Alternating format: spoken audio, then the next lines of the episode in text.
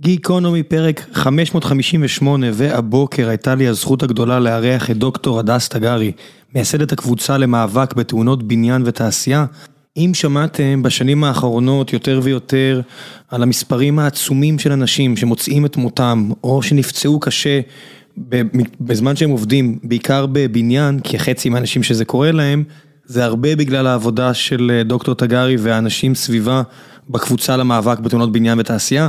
דיברנו על התופעה, דיברנו על התעשייה בארץ, על מי מפשל, כמה מפשל, למה מפשל, למה זו בכלל לא בעיה כל כך פשוטה, על מי האנשים שעובדים בבניין, מה אפשר לעשות כדי לסייע להם, ואיך אולי הדבר הנכון אפילו כלכלית, הוא להשקיע יותר, כדי לחס... להשקיע יותר עכשיו כדי לחסוך יותר בהמשך. ולפני שנגיע לפרק החשוב הזה ועל האישה הבאמת מדהימה הזו, אני רוצה לספר לכם על נותני החסות שלנו. והפעם זו אחת מהחברות שאני הכי אוהב לעבוד איתן, אתם בטח כבר מכירים, שמעתם פרקים של גיקונומי בשנתיים שלוש האחרונות, וזו חברת to sit, מלשון לשבת, שתיים, sit, יש להם אולם תצוגה ענק מול קניון איילון בבני ברק, והם מוכרים כיסאות ופתרונות ישיבה, וזה לא משנה אם אתם עכשיו צריכים למצוא כיסא אחד לאדם אחד שעובד מהבית שלו, או שאתם צריכים עכשיו לרהט משרד ענק שיש בו אלף עובדים. הם עשו את זה המון פעמים, והם עשו את זה מספר פעמים, מן הסתם אין כל כך הרבה חברות שיש להם כל כך הרבה עובדים. יש להם מפעל פה בארץ שמייצר המון פתרונות ישיבה, כיסאות, ספות, מה שאתם לא רוצים. הם גם מייבאים סחורה מאוד מאוד איכותית מכל המקומות בעולם. קניתי שם מספר כיסאות, יותר מ-100, לאחרונה זה כבר 102, לפי הספירה האחרונה, מאזינים שלחו לי, אני לא יודע כמה אמת קנו, אבל כל כך הרבה אנשים שלחו לי הודעה שהם רכשו משם כיסא כמוני, והם מרוצים, ואחת מהסיבות שהם מרוצים זה גם המחיר המנצח וגם האיכות המעולה של המוצרים שם. וגם הגישה המקצועית של החבר'ה האלה שיודעים להתאים את הכיסא הנכון לכיס ולטוסיק ולגב שלכם. אם תגידו שהגעתם דרך גיקונומי באולם התצוגה שם, תגידו שהגעתם דרך גיקונומי, אז גם תקבלו הנחה של 25% רק על הכיסא הראשון כמובן. ועכשיו, גיקונומי, פרק חשוב במיוחד לטעמי, פרק 558, מקווה שתהנו או לכל הפחות תשכילו.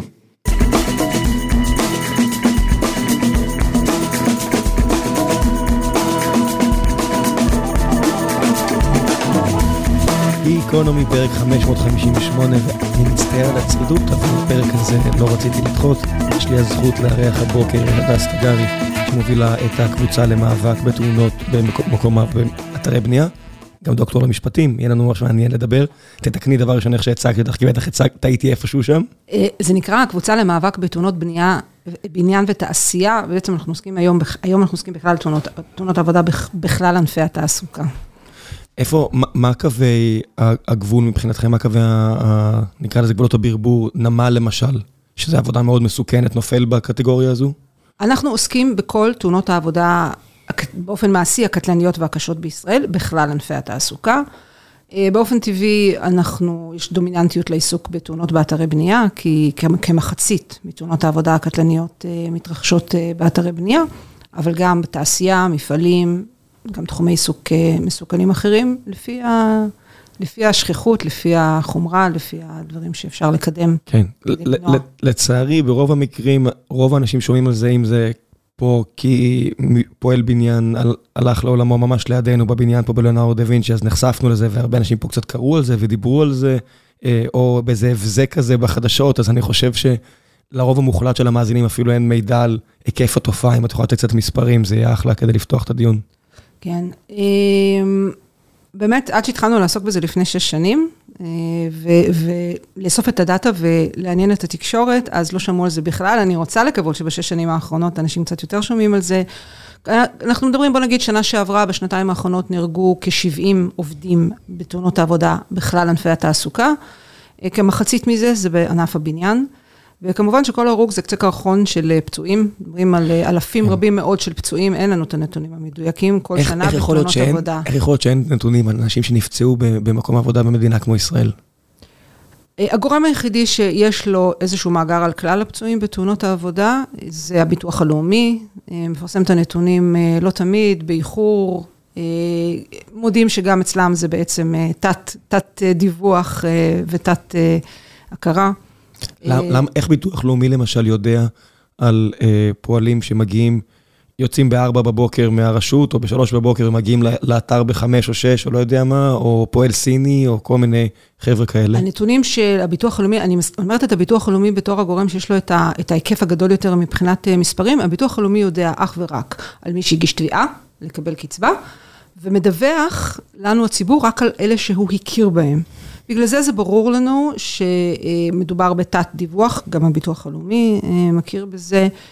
גם בגלל שיש חלק מהם שלא יגישו תביעה, בגלל שהם מראש סקפטיים לגבי האפשרות שלהם אה, להיות מוכרים, וגם בגלל שיש כאלה שיגישו תביעה מוצדקת, והם לא יוכרו, כי הם לא יצליחו לעשות את זה. מה החוק? אבל זה סדרי הגודל, זה חשוב לי להגיד את זה, כי מה שאנחנו מכירים מהדיווחי מד"א, אה, או מדיווחי סוכניות ההצלה, שגם אנחנו עושים את הנתונים האלה ולפעמים מתפרסמים, אה, שזה משהו כמו נגיד 800-900 פצועים בתאונות עבודה מדווחות בינוניות.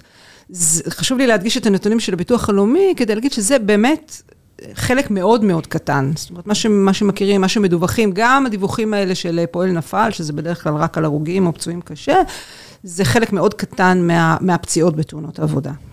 כן, את יודעת, בן אדם נפל, משהו קרה לגב שלו והוא לא יכול להביא פרנסה הביתה ואיכות חייו נפגמה בצורה אקוטית, לא יגיע לחדשות, אבל עבורו החיים באמת קיבלו כן. תפנית מאוד לא נעימה. אני אתן לך דוגמה, כאילו, הכי פשוטה, ש, שאפילו קטיעת יד, קטיעת כף יד של, זה, זה במונחי סוכניות ההצלה, פציעה קלה, שהם אפילו לא מדווחים עליה, בדרך כלל. כן, קלה בינונית עם... אה, כן. קלה, קלה, קלה, זה ממש מוגדר פציעה קלה. וואלה. כן, כן, כי לא, מסכנת חיים זה ממש, זה קשה, אבל אה, כן, כי, כי, כי בהגדרות המאוד מאוד טכניות, אה, זה, זה לא תואם למידת הפגיעה שתהיה בחיים של האנשים. כן, זה רק מתייחס לסכנת החיים בסופו של דבר. אה, כן, מאושפז. יש מדדים, מדדים לגבי מידת החומרה. וככה זה, ככה זה מסווג, זה, זה בסדר, כאילו, אתה יודע, לצורך העבודה שלהם זה בסדר, אבל לצורך ההבנה של האימפקט שיש לזה על, על החיים של בן אדם, גם, גם פועל שנפל ו, אה, ויש לו איזשהו שבר קל באגן, אה, הוא כנראה לא יוכל לחזור לעבוד אה, אף פעם, במה שהוא המקצוע שלו. כן, או אפילו פשוט ללכת בצורה הגיונית ולרוץ, דברים שאנחנו די לוקחים כמובן מאליו, כשיש לנו אותם כן. בצורה חופשית. איך אנחנו ביחס למדינות אחרות, אם אפשר אה, קצת להיכנס לזה? אה, אנחנו במקום גרוע מאוד. אה, אם אנחנו, במיוחד, במיוחד בתאונות בענף הבנייה, חשוב גם להגיד שהנתונים שיש, צריך לשים עליהם סימן שאלה. אבל רגע, אנחנו למה? יודעים... מה זה אומר מה שאמרת עכשיו? כי, כי כמו שהבנת מהחלק הראשון של, מהקודם של השיחה שלנו, אין איסוף דאטה רציני. אבל מוות, הגורם... אי אפשר להסתיר מוות. נכון, אתה יודע מה, כן ולא, אני, אני אגיד לך, לא, זה לא עניין של להסתיר, זה שאפשר להסתיר, אלא זה עניין של, כשאנחנו, כשאנחנו כדי להשוות את עצמנו אל מול מדינות אחרות, אנחנו צריכים שתהיה מתודולוגיה אה, לגבי מה, מה נחשב תאונת עבודה ומה לא נחשב בתאונת עבודה, שהיא דומה למתודולוגיה של נגיד האיחוד האירופי, שזה הגורם הכי משמעותי מבחינתנו להשוות את עצמנו אליו. תאונות עבודה, תאונות דרכים זה במהלך יום העבודה, זה נחשב או זה לא נחשב? תאונות דרכים אל מקום העבודה, בחזרה ממקום העבודה. אה, זה נספר או זה לא נספר, זה דבר אחד. דבר שני, כדי לעשות את ההשוואה הזאת, צריך לחשב את שיעור ההרוגים. זאת אומרת, מספר ההרוגים בכל ענף, אה, לכל 100 אלף עובדים בענף הזה. את מי סופרים ואת מי לא סופרים. מנהל הבטיחות התעסוקתית, שהוא הגורם שאוסף את המידע, אה, היום נמצא במשרד הכלכלה. אה, וכאילו עושה את התחשיבים האלה, הוא לא מפקח מעבר לקו הירוק. האם נתוני למ"ס לגבי מספרי העובדים כוללים עובדים מעבר לקו הירוק או לא כוללים עובדים מעבר לקו הירוק? זאת אומרת, יש פה הרבה מאוד דברים שמישהו צריך לעשות עבודה רצינית שלא נעשית כדי שהתחשיבים יהיו אה, אמיתיים וכדי שנוכל לדעת שכשאנחנו משווים את עצמנו למדינות אחרות, ההשוואה היא תקפה. אבל במגבלות הנתונים שיש לנו, גם במגבלות הנתונים שיש לנו, אנחנו יודעים שבענף הבנייה, שיעור ההרוגים הוא... יותר מכפליים מהממוצע באיחוד האירופי, אה, והממוצע באיחוד האירופי כולל הרבה מאוד מדינות שאנחנו לא רוצים להידמות אליהן, ואם אנחנו משווים למדינות המתוקנות יותר, כמו אה, סקנדינביה, הולנד, בריטניה, צרפת, משהו כמו פי חמש. שיעור ההרוגים בתאונות עבודה בענף הבנייה, זה אחד הנתונים הראשונים, דרך אגב, שאני הסתכלתי עליהם אה, לפני שש וחצי שנים, כשיום אחד שמעתי שיום קודם שלושה עובדים נפלו מגובה ונהרגו באתרי בנייה. והיה לי ברור שלא נשמע על זה יותר, אנחנו אף פעם לא שומעים איפה הם נהרגים, באחריות של איזה חברות. לא שומעים על כתבי אישום שמוגשים, והדבר הראשון שככה רציתי לבדוק כדי, כדי להבין, זה את הנושא הזה של שיעור ההרוגים, וברגע שראיתי שהפערים בינינו לבין מדינות מערביות מתוקנות אחרות הם כל כך גדולים, אז היה ברור שזה נגרם כתוצאה מרשלנות ניתנת למניעה. אני, אני חייב להגיד... זה לא איזה משהו כן. בלתי נמנע, כן. גזירת גורל שמצערת, אבל אין מה לעשות. אני חייב להגיד לך שבניגוד לנמלים למשל, שהיה פה אורח לא מזמן שדיבר על זה, שאין לי ממש נגיעה, מי שלא גר באשדוד או חיפה, סביר להניח שלא רואה עבודת, עבודה בנמל. פועלי בניין או אתרי בנייה, כנראה שרובנו רואים המון. וכל פעם שאני עובר ליד אחד, ויש יש לי מסביב לדירה הרבה כאלו, אני מודה, או אפילו פה למטה. אני, אני בשוק מהשכונה. אני, אני מצטער שאני אומר את זה בצורה הכי בוטה שיש, אבל אני פשוט בשוק מהשכונה. את רואה אנשים שכמו שאמרתי, בטח קמו באישון לילה כדי לבוא לעבודה, והם פשוט שוכבים גמורים מעייפות, בלי קסדה, בלי כלום, ואף אחד לא אומר להם כלום, מתחת למנוף שעובד, ממש, אני לא אגיד איפה, כדי לא לסבך אף אחד, זה לא, לא בעיה שלי, כי אני לא יודע אם זה טוב או לא טוב. אז היה לי את החשד הזה. ואז דיברתי עם, אה, עם חבר מהתיכון, שאולי שטרית, שעבד באחד החברות המוצלחות יותר במשק, והוא אמר לי, כמי שחקר את הנושא, שאני לא טועה. למשל, לצורך העניין זה תידר, שהם כן חשוב להם והכול, וזה קשה. אז הוא אמר לי מה הקשיים, אני לא אכנס לפרטים כחברה מסחרית, ואני לא יודע מה הוא רוצה או לא רוצה שאני אגיד, אבל הוא רק אמר לי כמה בחברות אחרות, הם לא אכפת להם. זאת אומרת, אני לא, לא אגיד שהוא אמר את זה, אבל אני מסתכל ואני אומר, איך זה יכול להיות? איך יכול להיות שיש אנשים שמתים, והמחוקק לא אכפת לו להעניש את האנשים האלה? את הזילות. כמשפטנית, אני באמת, אני אומר, מה, איפה הפרצה בחוק שאני לא מבין? תראה, הבעיה זה, זה, זה משהו שהוא באמת... אה, קודם כל, יש חקיקה. אה, היא צריכה לעבור רפורמות, היא לא מיטבית, אבל יש חקיקה, ויש גוף שאחראי על אכיפה. הבעיה היא גם ברמת האכיפה, גם ברמת המשאבים, אה, וברמת ההתייחסות, יש לנו פה פערים מאוד גדולים בין מצד אחד האוכלוסייה שנפגעת כתוצאה מתאונות עבודה, אה, במיוחד באתרי בנייה, אבל לא רק, ומצד שני, כל הגורמים שיש להם אינטרס בקידום הבנייה. עכשיו, זה אפילו לא רק עניין כלכלי. אה, זאת אומרת, אם אני אקח פה אה, מצד אחד את ה... אה, קודם כל בוא נדבר על האוכלוסייה, האוכלוסייה שנפגעת מתאונות עבודה. באתרי בנייה, אבל גם לא רק באתרי בנייה, זה בהגדרה, מי, שעובד, מי שעובדים בעבודות המסוכנות, אוכלוסייה ממעמד סוציו-אקונומי נמוך, מוחלשת, תקרא לזה פריפריה חברתית, גיאוגרפית. כשמדובר באתרי בנייה, אז אנחנו מדברים על כשליש אזרחים ערבים, כשליש פלסטינים, כשישית אזרחים זרים. וגם כשאנחנו מדברים על ענפי תעסוקה אחרים... והשישית האחרונה? השישית האחרונה זה יהודים, ישראלים. דרך אגב, הרבה מהם גם לא ילידי הארץ. אה, וכשאנחנו מתרחבים לכלל, אה, לתאונות בכלל ענפי התעסוקה, אז שוב מדובר הרבה פעמים על אוכלוסייה אה, ממעט סוציו-אקונומי נמוך. בוא נגיד ככה, אין הרבה אשכנזים מצפון תל אביב שנהרגים בתאונות עבודה, לא שאני מאחלת חלילה שזה יקרה, אבל מדובר באוכלוסייה שמרוחקת ממוקדי כוח, שלא מקושרת לתקשורת, שלא מקושרת לכנסת. אה, שהציבור המיינסטרים, דובר העברית, פחות אה, מתחבר למצוקתה. אני רק אגיד פה בסוגריים שיש ייצוג לאוכלוסיות האלה בכנסת. אם הנציגים לא עושים את העבודה שלהם, זה משהו אחד שכן צריך להגיד. יש נציגים שאמורים לייצג את האוכלוסיות המוחלשות האלה בכנסת, וזו ההגדרה שלהם. כך, זה הטיקט שלהם לכנסת. זה שאני לא שומע את זה גם מהם, אני לא מוכן להוריד את זה מה... זאת אומרת, אני, אני כן שם חלק מהאשמה גם על האנשים שהטיקט שלהם בכנסת זה לייצג אוכלוסיות מוחלשות כמו הציבור הערבי, כמו הפריפריה החברתית. אמ, תראה, אם אתה מדבר על הציבור הערבי, אז היום יש בכנסת ועדת משנה אה, לתאונות, אה, לבטיחות בעבודה, ועדת משנה של ועדת עבודה ורווחה, אה, בראשה אומר חבר הכנסת אוסאמה סעדי, כך ש... מאיזו תנועה, מאיזה, אני מצטער, לא מדהים. מהרשימה המשותפת. מהרשימה המשותפת, אוקיי. טל מהרשימה המשותפת. בכנסת הזאת, תראה, גם, אני גם לא, זאת אומרת, אני מקבלת את זה שבוודאי, נגיד, לצורך העניין, נציגים ערבים צריכים לעסוק בתופעה... כולם ש... צריכים לעסוק, אבל הם בדיוק, ממש, זה הטיקט שלהם. בדיוק. אה, כן, העניין הוא ש... מה זה הטיקט שלהם? כי זו אוכלוסייה שלהם שסובלת. נכון, אבל בוא נגיד, בוא נגיד שבאופן ספציפי, כן. תראה, אני אגיד לך מה, אני... זה לא שמה שאתה אומר זה לא נכון, אבל מבחינתי התביעה שלי היא רחבה יותר. זאת אומרת, אם בראש ועדת העבודה והרווחה עומדת אה, חברת כנסת, אפרת רייטן, ממפלגת העבודה, אה, ואם אה, בחלק מהוועדות האלה נמצאים חברי כנסת של מרצ, מפלגות שחורטות על, על, במצע שלהן את זכויות חברתיות ודאגה, לא, אז, אז הציפייה שלי היא רחבה יותר, וזה לא שאין לי תביעה גם כלפי הנציגים הערבים, אבל בוא נגיד שלנציגים של האוכלוסייה הערבית בכנסת, יש הרבה מאוד מצוקות לטפל בהם. כן, לא, אני, אני לא אמרתי את זה רק בגלל שהם ערבים, אלא גם שזו מפלגה קומוניסטית, חד"ש לצורך העניין. אז מי שפועל למען הפועלים. אז, אז חד"ש עוסקת בזה, כן. ומדברת על זה הרבה מאוד. Uh, הנה חבר הכנסת עופר כסיף uh, הגיש ומקדם כבר שתיים, שלוש כנסות, הצעת חוק uh, להקמת רשות לבטיחות תעסוקתית. היא הייתה אמורה, דרך אגב, לידון בוועדת שרים לענייני חקיקה ביום ראשון הזה, וזה נדחה לשבוע הבא. אה, זה איזשהו מהלך שגם אנחנו דוחפים אליו אה, הרבה מאוד זמן, אפרופו זה שאין נתונים, ואפרופו שאין אה, תקציבים, והרגולטור הוא חלש.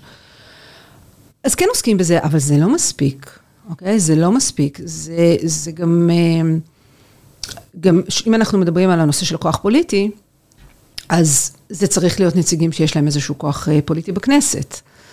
ולרשימה המשותפת הכוח הפוליטי שלה בכנסת הוא, הוא חלש.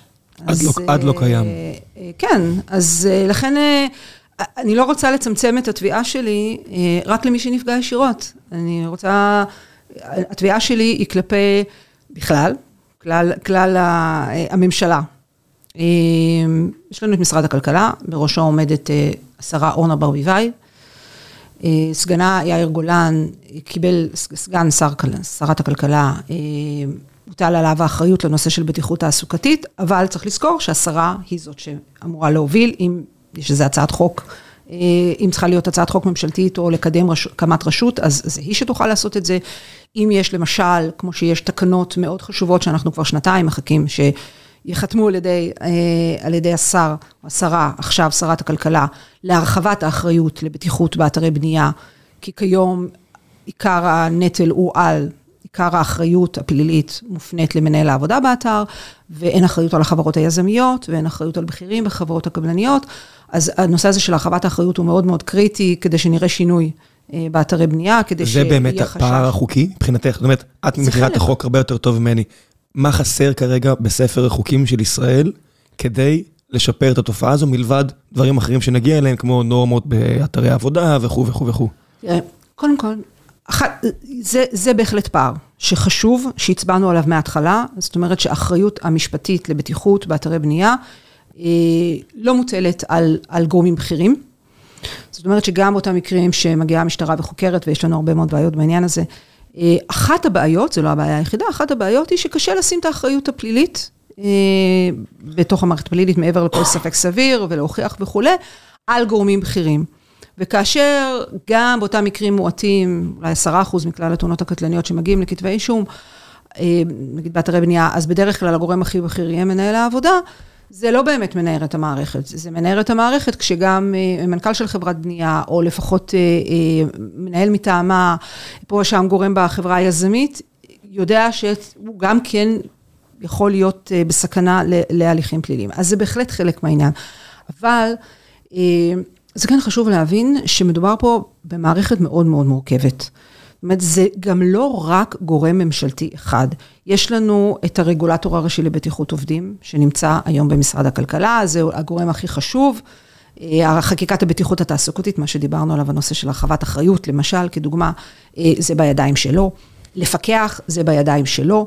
זה שהם אה, מטילים מעט מאוד עיצומים כספיים על הפרות בטיחות באתרי בנייה, כלי שניתן להם לפני ארבע שנים, שחיים כץ הוביל אותו, אבל עושים בו שימוש מועט, וגם באותם מקרים שמטילים, אז עכשיו יש אה, דוח מבקר המדינה שפורסם לפני שבועיים, הצביע על זה שרק כחמישה אחוז מה, מהעיצומים האלה נגבים. אז הם עושים שימוש מועט בסנקציות, ויש הרבה מאוד בעיות. שנייה, אני, אני, אני, לא, אני חייב להתעכב להתעכב על הנקודות. איך יכול להיות שאם יש חקיקה ויש עיצומים כלכליים, פליליים, על החברה היזמית, הקבלן, לא משנה מה, איך יכול להיות שרק חמישה אחוז נגבה? המדינה לא רוצה כסף, לא רוצה להעניש? זה, זה אומר שהניהול של המנגנון הזה הוא לוקה. אני לא מצליח להבין את זה, מה זה אומר? תראה, הנתונים האלה לגבי שיעור הגבייה של עיצומים אה, כספיים, שזה דרך אגב זה נקרא עיצומים מנהליים, לא פליליים, לא משנה, ברמת הדיוק, אבל uh, הנתונים האלה על שיעור הגבייה זה משהו שלמדנו עליו לראשונה רק מדוח המבקר, זה נתונים שקשה לנו להשיג עליהם מידע.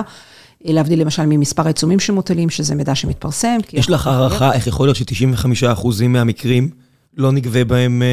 כל, כל הניהול של, ה, של המנגנון הזה של העיצומים מההתחלה היה קלוקל. זה שוחד או בינוניות? אני מצטער על השאלה הישירה. אני לא חושבת, תראה, קודם כל, אני, אין, אין לי אינדיקציה ואני בטח לא יכולה להגיד על שוחד שאני לא, לא יודעת אם היו מקרים שאת יודעת עליהם. דבר. אני לא חושבת ש... אני לא יודעת, ואני בטח לא יכולה להגיד גם שאני לא יודעת, ואני גם, אני לא הולכת בעיקר לשם. אני חושבת שיש פה בעיה, גם, גם, גם בינוניות בניהול, יש פה בעיה של משאבים. איפה? איפה חסר משאבים? בהקשר הזה חסרים משאבים במנהל הבטיחות התעסוקתית אצל הרגולטור. משאבי פיקוח, גם רואים שלמרות שכן קיבלו תקנים, אה, לא אוישו כל כך הרבה תקנים, אין מספיק מפקחים, מי שהולך לשטח ומטיל את העיצומים, גם המנגנון של גביית העיצומים הוא מנגנון שדורש כוח אדם. המדינה לא, לא מקצה את המשאבים הנדרשים. אבל זה כסף, נכנס כסף. אם אתה לוקח כסף מישהו, זה נכנס לקופה. אבל צריך, אבל צריך, אבל צריך להשקיע משאבים בשביל להפעיל את המנגנון הזה. תראה, אני, אני לא יודעת לתת את התשובות לשאלות האלה. אני יודעת שהמנגנון הזה לא עובד. זאת אומרת, בוא נגיד ככה, אם אני, ההסתכלות העל שלי, שלנו, של הקבוצה, היא שצריך, מי שאחראי לבטיחות העובדים באופן ישיר, שזה החברות, המעסיקים, צריך לדעת שאם הוא מזלזל בבטיחות העובדים, הוא ישלם על זה מחיר. זה צריך להיות משהו שהוא ברקע, אני לא חושבת שזה הכל מתחיל ונגמר בזה, אבל בסופו של דבר זה משהו שמכתיב את הנורמה. מכתיב איזושהי נורמה שבצילה או לאורה פועלים. והמחיר הזה הוא בכל מיני רמות, הוא יכול ברמה של עיצום כספי, הוא יכול להיות ברמה של הליך פלילי שיקרה, גם בגלל הפרות בטיחות, שזה גם משהו שהוא באחריות של משרד הכלכלה, וכמעט לא קורה. כמעט לא קורה, זה ירד, היו 36 כתבי אישום לפני ארבע שנים אה, מדי שנה על הפרות בטיחות אה, שמשרד הכלכלה היה מגיש, אה, ובשנה שעברה זה היה שבעה. זה, זה, זה במישור אחד, זה יכול להיות שיסגרו לך את האתר למשך פרק זמן ממושך, בגלל שאתה מבצע הפרות בטיחות, עד שאתה תתארגן על עצמך. טוב, זה, זה נשמע להיות... כואב. אם, אם זה יקרה, אבל זה לא קורה, זאת אומרת, היום גם אחרי תאונות סוגרים למשך יומיים. אה, וגם כאשר מגיעים לאתר ויש ליקוי בטיחות, אז אומרים, אוקיי, אנחנו עוצרים את העבודה עד שתתקן את הליקוי, והתיקון מתוק, מתוקן במהרה וחוזרים לעבוד. אז זה בסדר בפעם הראשונה שמגיעים לאתר אה, ורואים ליקוי, כל אחד יכול לטעות לפעמים, אבל בפעם השלישית שמגיעים ויש הפרות בטיחות חמורות, אז, אז בעצם איזה מחיר שילמת אם אתה רק מתקן את הליקוי שלא אמור היה להיות מלכתחילה. אז המחיר יכול להיות עיצום, המחיר יכול להיות אה, אה, כתב אישום על הפרות בטיחות, המחיר יכול להיות שקורית תאונה. הגורם האחראי, בכיר, יועמד לדין. והמחיר הוא גם, שזה אחד הדברים שאנחנו, אנחנו גם מנסים לקדם את המחיר, יכול להיות שחברה קבלנית יפעלו נגדה סנקציות על ידי רשם הקבלנים. זה מה שהתחלתי להגיד על המערכת המורכבת הזאת. זאת אומרת שיש לנו את הרגולטור הראשי לבטיחות ומי שמבצע את הפיקוח. יש את רשם הקבלנים במשרד השיכון, שהוא הרגולטור של החברות הקבלניות. מה קורה עם חברה ששוב ושוב אה, מתרשלת בשמירה על בטיחות העובדים? יש כאלו. האם היא משלמת מחיר? בוודאי, יש הרבה מאוד כאלה. אה, מגדולות ועד קטנות, בוודאי. אה, לפני שאנחנו התחלנו לפעול, בכלל רשם הקבלנים לא ניהל בכלל הליכים משמעתיים כנגד חברות קבלניות, יש לו סמכות בחוק לעשות הליכים כאלה. כי אף אחד לא לחץ עליהם? כי, כי לא היה לחץ לזה מצד אחד, ומי שהיה רשם באותה עת אה, אולי לא היה שש לעשות את זה, העמדה הרשמית שלו הייתה שכביכול אין לו סמכות לעשות את זה. אנחנו אה, פנינו בעניין הזה לשר השיכון, והייתה ישיבה של, הדוח של מבקר המדינה, והיה דיונים בוועדת ביקורת המדינה, והדבר הזה השתנה. ובשנים האחרונות, בשלוש-ארבע השנים האחרונות, רשם הקבלנים, שגם התחלף, אולי זה גם לא מקרי, כן עושה הליכים משמעתיים כנגד חברות קבלניות, בגלל הפרות בטיחות. ואת רואה הבדל בשטח? אבל, תראה, הדברים, יש, אתה מבין, יש פער, שמצד אחד, מצד אחד כן רואים שינויים, אה, ו... המחיר, הנושא האחרון שרציתי לציין, אני תכף אחזור לרשם הקבלנים, זה הנושא של הפרסום. זאת אומרת, העובדה שעד לפני שש שנים, אף אחד בציבור לא שמע על התאונות ולא שמע איפה הן קורות. פשוט לא שמע, זאת אומרת, אי אפשר, לא יכולנו לדעת באתרים של איזה חברות אנשים נהרגים. וזה משהו שהשנה ברגע שנכנסנו לתמונה, והוא אולי עד היום האמצעי המרתיע האפקטיבי ביותר, והוא אפקטיבי בעיקר כלפי חברות יותר גדולות ומוכרות, שהשם שלהם מוכר לציבור, ולכן מבחינתם זה, זה יוצר להם מבוכה אה, לא נעימה, שידוע שמתרחשים אצלם, מתרחשים אצלם תאונות. אם אני חוזרת שנייה להליכים אצל רשם הקבלנים, אז מצד אחד אנחנו רואים שינוי משמעותי, רואים שיש כל שנה, אולי שנה האחרונה כ-15 הליכים כנגד חברות קבלניות, אבל עדיין, כשמסתכל בשורה התחתונה, הסנקציה שמוטלת ברוב המקרים זה השעיה על תנאי של רישיון הקבלנות. זה לא מתרגם לזה שיש פעם מאוד ממשית, גם באותם מקרים מועטים שיש השעיה בפועל, שלילת רישיון מוחלטת זה כמעט ולא קורה, אולי מקרה אחד בשנה. השעיית רישיון בפועל למשך שלוש שנים, גם במקרים האלה, המדיניות הגורפת היא לאשר לחברות להמשיך לבצע את הפרויקטים הקיימים. אוקיי? וככה יש לנו למשל קבלן כמו וליד גרייב, שאחרי שרישיונו הושעה על תנאי, נהרגו בשבוע אחד שני עובדים באתרים שלו. ועדיין הוא מורשה, ואז הוא שעה בפועל לשלוש שנים, ועדיין הוא מורשה להמשיך לבצע את הפרויקטים קיימים. זאת חברה שהיא קבלנית מוכרת לעבודות ממשלתיות. אה, מבצעת המון פרויקטים של בתי ספר, אחד האתרים שבהם נהרג אצלו עובד, הוא בית ספר, אתר להרחבת בית ספר אה, בפרדס חנה, אה, והוא עדיין ממשיך לבצע את העבודות. גם החברות שהן קבלניות, אה, קבלניות מוכרות לעבודות ממשלתיות, גם באותם מקרים שהוטל עליהן השעיה על תנאי, אז היום, אחרי המון המון המון מאמצים, כביכול חצי שנה הם לא יוכלו לגשת למכרזים ממשלתיים. אני אומרת כביכול, כי אפילו על זה אני לא סגורה, מאיך שהם ניסחו את הנוהל, שזאת באמת, שזאת באמת. מי אפשר להביא חברת בת כלשהי. אה, זה גם, זה גם, זה גם, זה גם משהו שהוא קורה. אז אה, מצד אחד, אני אומרת שאני מסתכלת באמת על, ה, על, ה, על ה, מה קרה בשש וחצי שנים האלה, מצד אחד, אני לא יכולה להגיד שדברים לא השתנו. כי המצב הוא שונה ממה שהיה לפני כן. לפחות החברות הגדולות רואים שהם משקיעים יותר בבטיחות. אה, אני לא בטוחה שהתאונות גורמות להם לנזק כלכלי ישיר, אבל זה לא נעים להם. את יודעת להגיד מה לא עושים? זאת אומרת, אותו אה, שאולי שטרית, שהיום ממנכ"ל סטארט-אפ בכלל בשם הומס, מומלץ, מעניין אתכם, תלכו לראות. סיפר לי שזה כל כך מורכב, הסיפור הזה, והם בתור היזמים שמנסים ללמוד אותו, הם מבינים עד כמה זה מורכב, הוא הביא לי כל מיני דוגמאות, אז הלכתי לאבא של חבר מהגן, שהוא פקח באתרי בנייה. מסתובב עם האופנוע שלו, ויושב על הראש של החבר'ה האלה כדי, שים קסדה, שים קסדה, תעשה את זה, תעשה את זה. זה עבודה קשה עם כל כך הרבה חלקים נעים, מה לא עושים טוב בארץ? תראה, זה, זה הרבה מאוד דברים, זאת אומרת, זה... קודם כל... זה דברים טכניים, זה ריתמות שלא שמים, זה... כן. קודם כל, המבנה של האופן שבו מתנהלים, מתנהל ענף הבניין, הוא של שרשור של קבלנים, שרשור של קבלנים לקבלני משנה. זאת אומרת, אותה חברה שהיא כביכול מבצעת הבנייה הראשית באתר, למעשה 95% מהעבודה לא נעשית באמצעות עובדים שלה, אלא באמצעות קבלני משנה ועובדים של קבלני משנה. אז בהחלט יש פה מערכת שהיא מורכבת, עכשיו זו שאלה, למה, למה זה יתגלגל לכאן? ועוד מילא באמצעות עובדים של קבלני משנה, הבעיה היא שגם קבלני המשנה משרשרים הלאה. תראה, זה מתחיל ונגמר כאילו בכל המבנה של האחריות. הזכרתי מקודם את רשם הקבלנים ואת ההליכים שהוא עושה על חברות שמתרשלות בשמירה על, על, על בטיחות עובדיהם. אבל הפן האחר של העבודה של רשם הקבלנים, בעצם הפן המקורי, שזה הפיקוח על חברות קבלניות, הוא אמור לפקח שרק קבלנים רשומים מבצעים עבודות בנייה. וזה משהו שהוא הגורם, הוא לא עושה בכלל.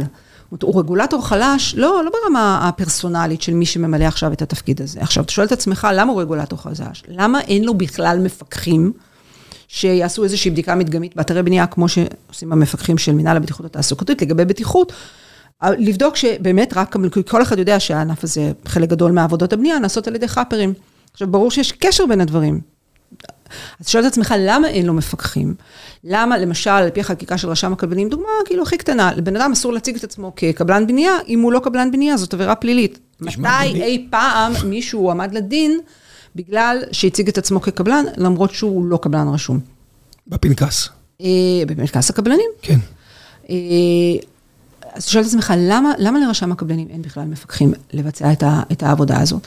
ואתה רואה שרשם הקבלנים נמצא בתוך משרד השיכון. משרד השיכון זה גורם שיש לו אינטרס לגיטימי, דרך אגב, לעודד את הבנייה, אה, לפתח את הבנייה, אה, לדאוג שיהיו מספיק אה, וכולי וכולי, שזה אינטרס שהוא לגיטימי, כמובן שיש פה איזשהו סוג של ניגוד עניינים. אבל אני לא קונה את זה. את יודעת, בא לפה איזה, יש לנו הרבה עובדים גרמנים, והוא, היה פה איזה עובד גרמני, והוא הסתכל פה הרבה על, על אתר בנייה. הוא אומר, תקשיב, זה נראה לי משהו פה לא בסדר, והוא מישהו שמתעניין בנושא.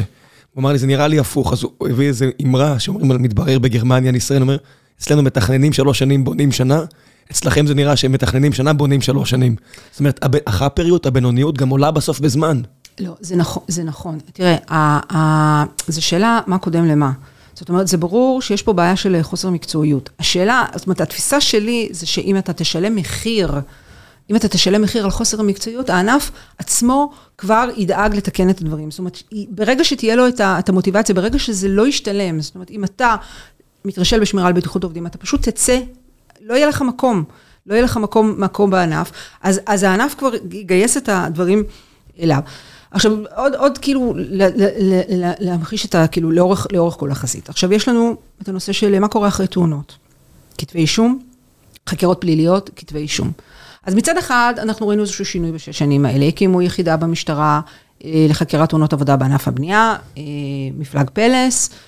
היא חוקרת מדגם קטן. שם מעולה. פלס, פלס זה, זה ראשי תיבות של פועלים ללא סיכון, כן? שם מעולה. בהחלט, שם מצוין. אה, היא חשובה, היא עושה, היא עושה עבודה חשובה, היא חוקרת חלק מאוד קטן של התאונות, היא אמורה להיות איזשהו גורם מקצועי בתוך המשטרה שגם מסייע לכלל יחידות המשטרה. כי מה, חסר שוטרים שיעשו את זה? זה כוח אדם? Yeah, כשאנחנו התחלנו, התחלנו להציף את זה שיש מעט מאוד כתבי אישום, פחות מעשרה אחוז אה, כתבי אישום ביחס לתאונות הקטלניות שמתרחשות, אז הטענה של המשטרה הייתה שהשוטרים ביחידות המשטרה הרגילות, אין להם את המקצועיות לחקור את התאונות האלה. אה, ולכן צריך, צריך יחידה שמתמחה בזה, ושגם יש בה מומחים שמבינים בנושא הזה. ואז היה את כל המהלך הזה, שבסופו הוקמה, אה, אה, הוקם מפלג פלס בלהב 433. זה ארצי? ואז, הם מכסים את כל ישראל? יחידה, זאת יחידה ארצית, אבל זה חשוב להבין שהיא חוקרת, היא חוקרת כל שנה כחמש תאונות מקסימום. קטלניות. היא חוקרת עוד, אה, עוד, יש לה תיקי, היא קוראת לזה תיקי חשיפה, או תיקי פשיעה, מה שהם קוראים גורמים מחוללי פשיעה, למשל אה, זיופים של אה, הכשרות בטיחות, זיופים של הסמכות, מנופאי שמפעיל את העגורן. האם הוא באמת עבר את ההסמכה שהוא אמור לעבוד, האם הרישיון שלו הוא רישיון ש... גם רישיון אמיתי. זאת אומרת, יש לה תיקים כאלה, זה גם כן תיקים מאוד חשובים, אבל מבחינת חקירה של תאונות, זה מה שהיא חוקרת. אז מה שהתברר אחרי שפלס הוקמה בתחילת 2019 והתחילה לפעול, זה שלמעשה עדיין רוב, הרוב המכריע של תאונות העבודה ממשיכות להיחקר ביחידות המקומיות, וזה בסדר, אבל זה רק אומר שצריך לעבור שם איזשהו תהליך של התמקצעות. וכן נעשו מאמצים וכן הושקעו, אבל עדיין הושקעו מאמצים, גם בתיאום בינם לבין הפרקליטות. אה, ועם, עם, אה, אז זה היה משרד העבודה, זרוע העבודה, מנהל הבטיחות, שזה הגורם המקצועי בתחום הזה. אבל עדיין, כשאנחנו מסתכלים על הנתונים, אנחנו, היה איזשהו שיפור מסוים אה, מ-2017-2018, אבל מאז אנחנו רואים, בוא נגיד, כל שנה כעשרה כתבי אישום על תאונות קטלניות. מתוך 35. עדיין... עשרה כתבי אישום בכלל תאונות העבודה, זאת אומרת, אל מול 70 בשנתיים האחרונות, אבל אם אנחנו מסתכלים שכל כתב אישום הוא, בוא נגיד, במקרה הטוב, בממוצע, אה, לפחות, הממוצע הוא לפחות שנתיים, ממועד התרחשות התאונה, ממועד התרחשות התאונה עד להגשת כתב אישום, אה, קרוב יותר אולי ממוצע לשלוש שנים, אנחנו רואים גם תיקים שיהיו יותר, אז גם היו שנים שהיו 90 אה, הרוגים בשנה, ב-2019, שזאת הייתה איזשהו סוג של שנת שיא. מה, מה, מה? ב-2019. איך זה, זה, זה, זה, זה כמה סטיות תקן? איך יכול להיות שבשנה אחת יש 90 ובשנה אחת יש 35? לא, לא, 35 זה בענף הבנייה. ו-90 זה בסך הכל? 90 זה סך הכל, גם, גם כשאנחנו מדברים על סך תלונות העבודה, גם בשנתיים האחרונות, אנחנו מדברים על 70, 70 ו-30. 70 הרוגים. מצטער, אוקיי. 70 הרוגים. כן, תראה, אם אנחנו באמת, אני מנסה להראות את ה... אה, את ה... את התהליך שעברנו, מאז שהתחלנו בסוף 2015 להיום. אז בשנת 2016, זו הייתה איזה מין שנת אישור קו כזאת, היו המון, אז, אז עדיין, אז עדיין אה, תיעדנו ועסקנו רק בענף הבנייה, היו 50 הרוגים בענפי בנייה, אני אזכיר, זו השנה של אסון החניון, אה, של דניה סיבוס, שנהרגו בו שישה ברמת החייל, אבל, נכון. כן, ברמת החייל, אבל היו עוד הרבה מאוד תאונות קטלניות. בשנת 2017 ראינו, וזאת הייתה השנה ששמנו את הנושא על סדר היום, והרבה תקשורת, והחקיקה עברה חקיקה. של סגירת אתר בנייה אה, לאחר תאונה קטלנית למשך 48 שעות, שזה, שזה כלום, אבל גם את זה לא היה קודם. זאת אומרת, כשאנחנו התחלנו לפעול והתחילו מתנדבים להגיע בעקבות הדיווחים של מד"א לאתרים שנהרגו בהם עובדים, פשוט המשיכו שם לעבוד, פחות או יותר אה, כמעט, חס, כן, כמעט דרכו על הגופות. פשוט שום דבר לא נעצר אפילו לרגע. אז אה, החקיקה הזאת, זה היה משהו משמעותי, גם מחייב את מנהל הבטיחות להטיל את הצו הפסקת עבודות, חייב את הפרסום של הצווים האלה, וככה היה מידע אה, איפה התאונות האלה התרחשו, והוא גם מתועד, אה, מתועד כן, עד היום, זאת אומרת, המידע הזה, המידע הזה נמצא שם. והרגשנו איזשהו תהליך של שינוי, ובאמת, ב-2017, בסוף השנה, אני מתייחסת כרגע רק לענף הבנייה, כי אז תיעדנו רק את ענף הבנייה, היו 35 הרוגים, עדיין מספר מחריד, אבל בכל זאת התחושה הייתה שאנחנו רואים איזושהי מגמה של שיפור. כן, כי בסך הכל זה מנורמל, מספר התחלות הבנייה הוא די יציב, אז זה, זה, זה שיפור. לא תמיד, לא תמיד, אבל גם מנורמל להתחלות הבנייה, הייתה ירידה בשיעור ההרוגים, גם בכלל וגם בענף הבנייה. אבל המגמה הזאת התהפכה, וב-2018-2019 ראינו מגמה של עלייה, ב-2019 הייתה שנת שיא של הרוגים, של 90 הרוגים. שמתוכם 45... שמתוכם כ-45 בענף הבנייה. שנת 20, שנת 2020, שנת 2020 זאת שנת הקורונה, שהייתה איזושהי, היה איזשהו קיפאון בפעילות הכלכלית בכלל. וגם בענפי הבנייה, למרות שענף הבנייה הוחרג. תשמעי, זה הרגיש, לא הרגיש ככה. מסתם שאני מסתכל בעין ואני רואה אנשים עבדו קשה. תראה, אנשים עבדו, גם, אתה יודע, מה שאתה רואה בסביבות שבהם אתה מסתובב, כן. זה לא בהכרח משקר. אנקדוטה זה לא דאטה, כן. אבל הנתונים מצביעים על כך שקודם כל, נכון שענף הבנייה הוחרג, זאת אומרת, מותר היה לעבוד גם בתקופות של הסגרים, אבל המצ... הקשיים שקשורים לקורונה כן הביאו לירידה. אחד הדברים הכי משמעותיים היה שחייבו את הפועלים הפלסטינים להישאר ללון בישראל, לאורך, בתקופת הסגרים הראשונים, היו איזה שלושה חודשים, והרבה מהם לא רצו. כי אפשר, כן. כי התנאים, גם כי התנאים הם תנאי הלינה שהתאפשרו להם. הם תנאים, זה גם אנשים ממשפחות, לא כל אחד, אפשר, לא כל אחד רוצה ויכול. זאת אומרת, אז הייתה ירידה מאוד גדולה בהשתתפות של פועלים פלסטינים, רואים את זה בנתוני למ"ס, בנתוני בנק ישראל. עבדו פחות. יש פתאום. ולכן, ולכן הייתה ירידה במספר המוחלט של ההרוגים, שקשה לשער, כאילו קשה בדיוק להעריך כמה מהירידה היא אמיתית מבחינת, או וכמה היא בעצם משקפת באמת את הירידה בפעילות הכלכלית. אז ב-2020 ו-2021 אנחנו יורדים ירידה מסוימת, אבל עם התנודתיות הזאת שאני מתארת מסוף 2015, בסופו של דבר, בשורה התחתונה, מספרי הרוגים מאוד גבוהים, שיעורי הרוגים מאוד גבוהים. אז ראינו איזשהו, כן, איזשהו פלקטואשן כזה של, של עלייה בשיעור ההרוגים בבנייה ל-13 וחצי לכל 100 אלף עובדים, שזה אסטרונומי ב-2019, ואולי ירידה, שוב, עם ה, בהסתייגות של זה שהנתונים... תשע, של הנתונים, אז ירד אולי ל-11, אבל 11, שיעור של 11 הרוגים לכל 100 אלף זה עדיין פי, פי חמש ממה שאנחנו רואים במדינות מתוקנות. זאת אומרת, בשורה התחתונה, רמת הבטיחות התעסוקתית בישראל היא גרועה. יש מתאם כלשהו עם האנשים? למרות, השינוי, למרות השינויים שאנחנו רואים, ולמרות שאנחנו רואים שבחברות הגדולות יותר מקפידים לבטיחות, ולמרות שיש הליכים אצל רשם הקבלנים, ויש יותר מאמץ להגיש כתבי אישום, אבל עדיין המספרים הם מאוד נמוכים. אז יש פה איזשהו... כאילו מבחינתי, זה איזשהו תסכול מאוד גדול, שכאילו מצד אחד, לאנשים שעוסקים בשינוי חברתי אומרים, וואו, זה מדהים מה שהצלחתם לעשות במשאבים מאוד מאוד דלים. זה גם משהו שצריך, שצריך, שצריך להגיד אותו, ומצד אחד, עשיתם דברים ש, שזה מדהים בעולם השינוי החברתי, לראות שינויים כאלה, הקמת יחידת משטרה, סגירת אתרי בנייה, הכנסת המנגנון של העיצומים הכספיים. דוחות מבקר המדינה, השינוי בתוך החברות הגדולות. התאחדות הקבלנים, אחרי שלוש שנים של עבודה שלנו, התאחדות הקבלנים הקימה מטה לבטיחות בענף הבנייה, כי כבר החשיפה והרמת הדיבור על זה שההפקרות שיש באתרי בנייה, הקשירה של פרויקטים יוקרתיים לתאונות קטלניות, זה כבר משהו ש, שיצר איזושהי מוטיבציה בענף, הבינו שזה כבר בעיה עבורם. הקימו את מדעי הבטיחות, שעושה את העבודה שהם עושים, שזה גם חשוב. מצד אחד, שינויים מאוד מאוד גדולים. מצד שני, בשורה התחתונה, ברמת הנתונים, לא השתפרנו משמעותית. יש מתאם כלשהו על הזהות של העובדים? זאת אומרת, אמרת שיש שליש פלסטינים, שליש ערביי 48 או ערבים ישראלים, ושישית עובדים זרים. האם אותם שישית עובדים זרים, שאולי מגיעים מתרבות עבודה מסודרת יותר, יש להם פחות תאונות, אולי מביאים איתם איזושהי תרבות שאין בארץ, או שזה הכל אותו דבר? ניסיתי להשוות את זה, כי אמרתי, אולי יש תרבות של יותר נטילת סיכונים בקרב ערביי ישראל או משהו כזה. אז פנה אליי מאזין, שהוא מהנדס בניין, והוא עבר תאונה קשה באתר בנייה, נפל עליו קיר זכוכית, ריסק אותו לגמרי, לקח לו חודשים להשתקם מזה, והוא עזב את האטנף. הוא אמר, זה פשוט לא בשבילי, זה מסוכן מדי. אז אי אפשר להגיד שאת יודעת, יהודים שם אה, יותר, אה, פחות מסתכנים.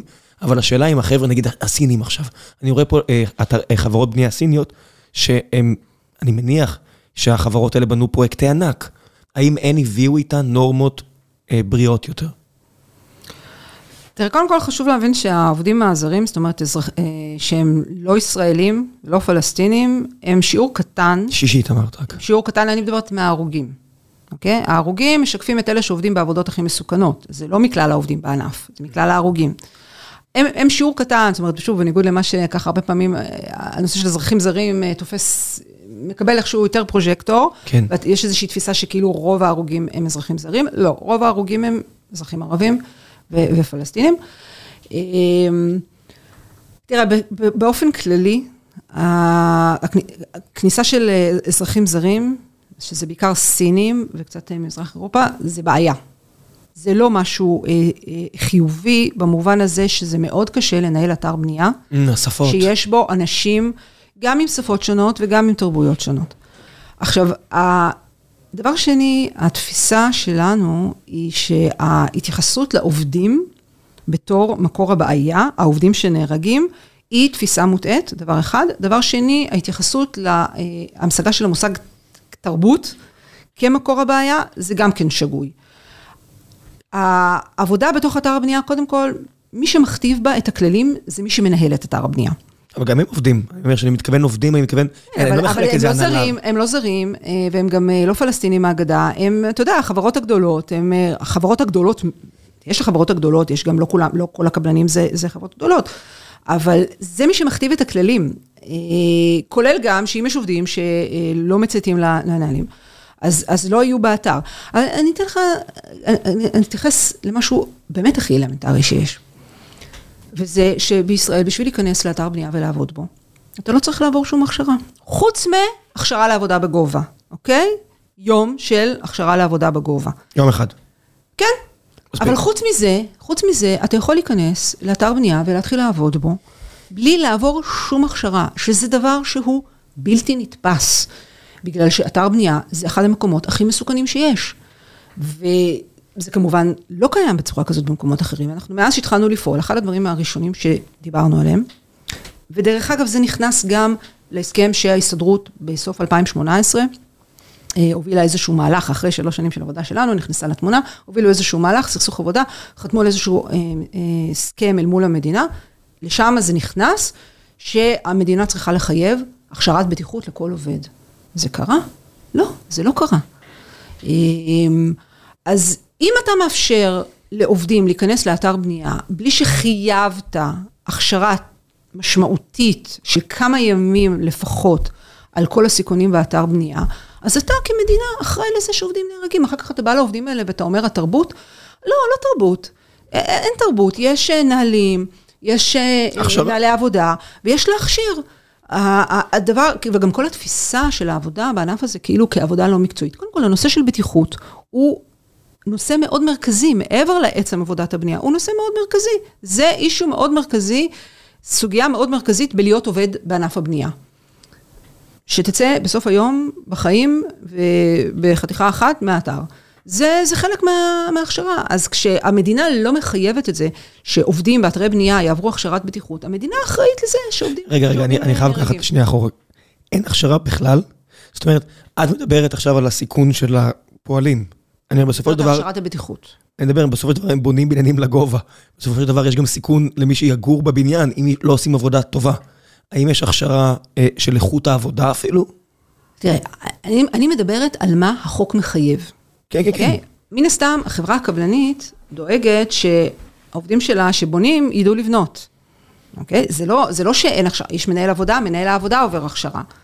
צריך, צריך לעבור הכשרה, מנהל העבודה. אבל מי שעובד בסוף צריך לעשות את הפעולה. אני מדברת על מה המדינה מחייבת. מה, אה, האם זה אפשרי שייכנס, כאילו לצורך העניין, כן, אותי כ, כ, כמי שעוסקת בנושא של בטיחות עובדים, זה לא מעניין אותי אם הוא ידע לבנות טוב או לא, הוא, הוא לא, הוא לא יודע לבנות טוב. יש דרך אגב מערכת שלמה שכאילו אמורה להבטיח את הבטיחות המבנים, אה, שזה נושא, נושא נוסף וחשוב. ששם אולי יש לנו יותר, אה, אה, אה, כאילו, בלמים, גם בדמות הציבור.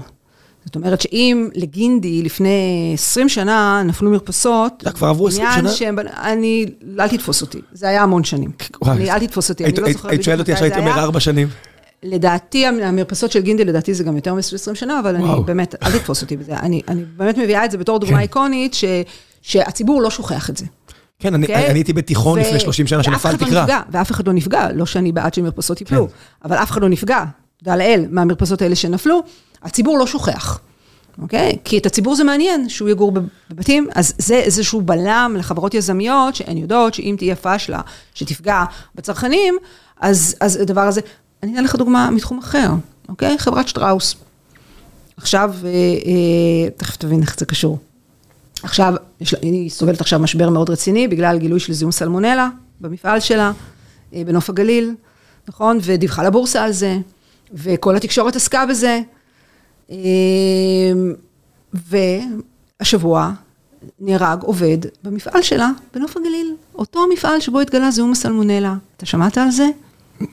אתה שמעת על זה? איך נהרגים במפעל כזה? סלחי לי על השאלה של מבורות. אז במקרה הזה הוא נהרג במהלך ביצוע שיפוצים במפעל שקשורים. זאת אומרת, כן, נהיה. במקרה הזה, במקרה הזה. אבל עובדים נהרגים במפעלים כל הזמן. אה, גם בגלל עבודות תחזוקה על הגגות של המפעלים, שהרבה מאוד, אה, שנעשת הרבה מאוד במערכות של תחזוקה נמצאות על הגגות של המפעלים, גם נפגעים ממכונות במפעלים. נפקדים במכונות, במפעל של איסקר בטפן, נהרג עובד בתחילת השנה, נלכד בתוך, מתחת למכונה. ש... ואי אפשר להאשים את איסקר, שזה לא חברה רצינית ומקצועית. כן, כן. אז, אז יש תאונות במפעלים במהלך העבודה של, של העבודה של המפעלים, שעובדים נהרגים כתוצאה, מה, כתוצאה מכך, במקרה הזה הוא נהרג כתוצאה משיפוצים שנערכים שם. טיפס לגובה כדי לבצע איזושהי עבודה, נפל, כמובן שזה אומר שלא ננקטו אמצעי הגנה מפני נפילה. מישהו בציבור שמע על זה?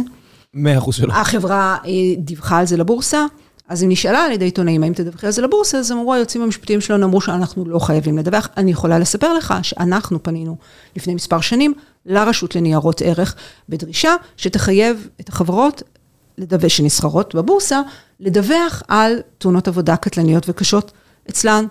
אה, ובוא נגיד שהדבר הזה יתמסמס, החקיקה של רשות ניירות ערך אומרת שצריך לדווח על כל אירוע שיש בו אה, עניין מהותי למשקיע הסביר. כן, אם המפעל היה נסגר לשבוע, בוודאות היינו שומעים על זה.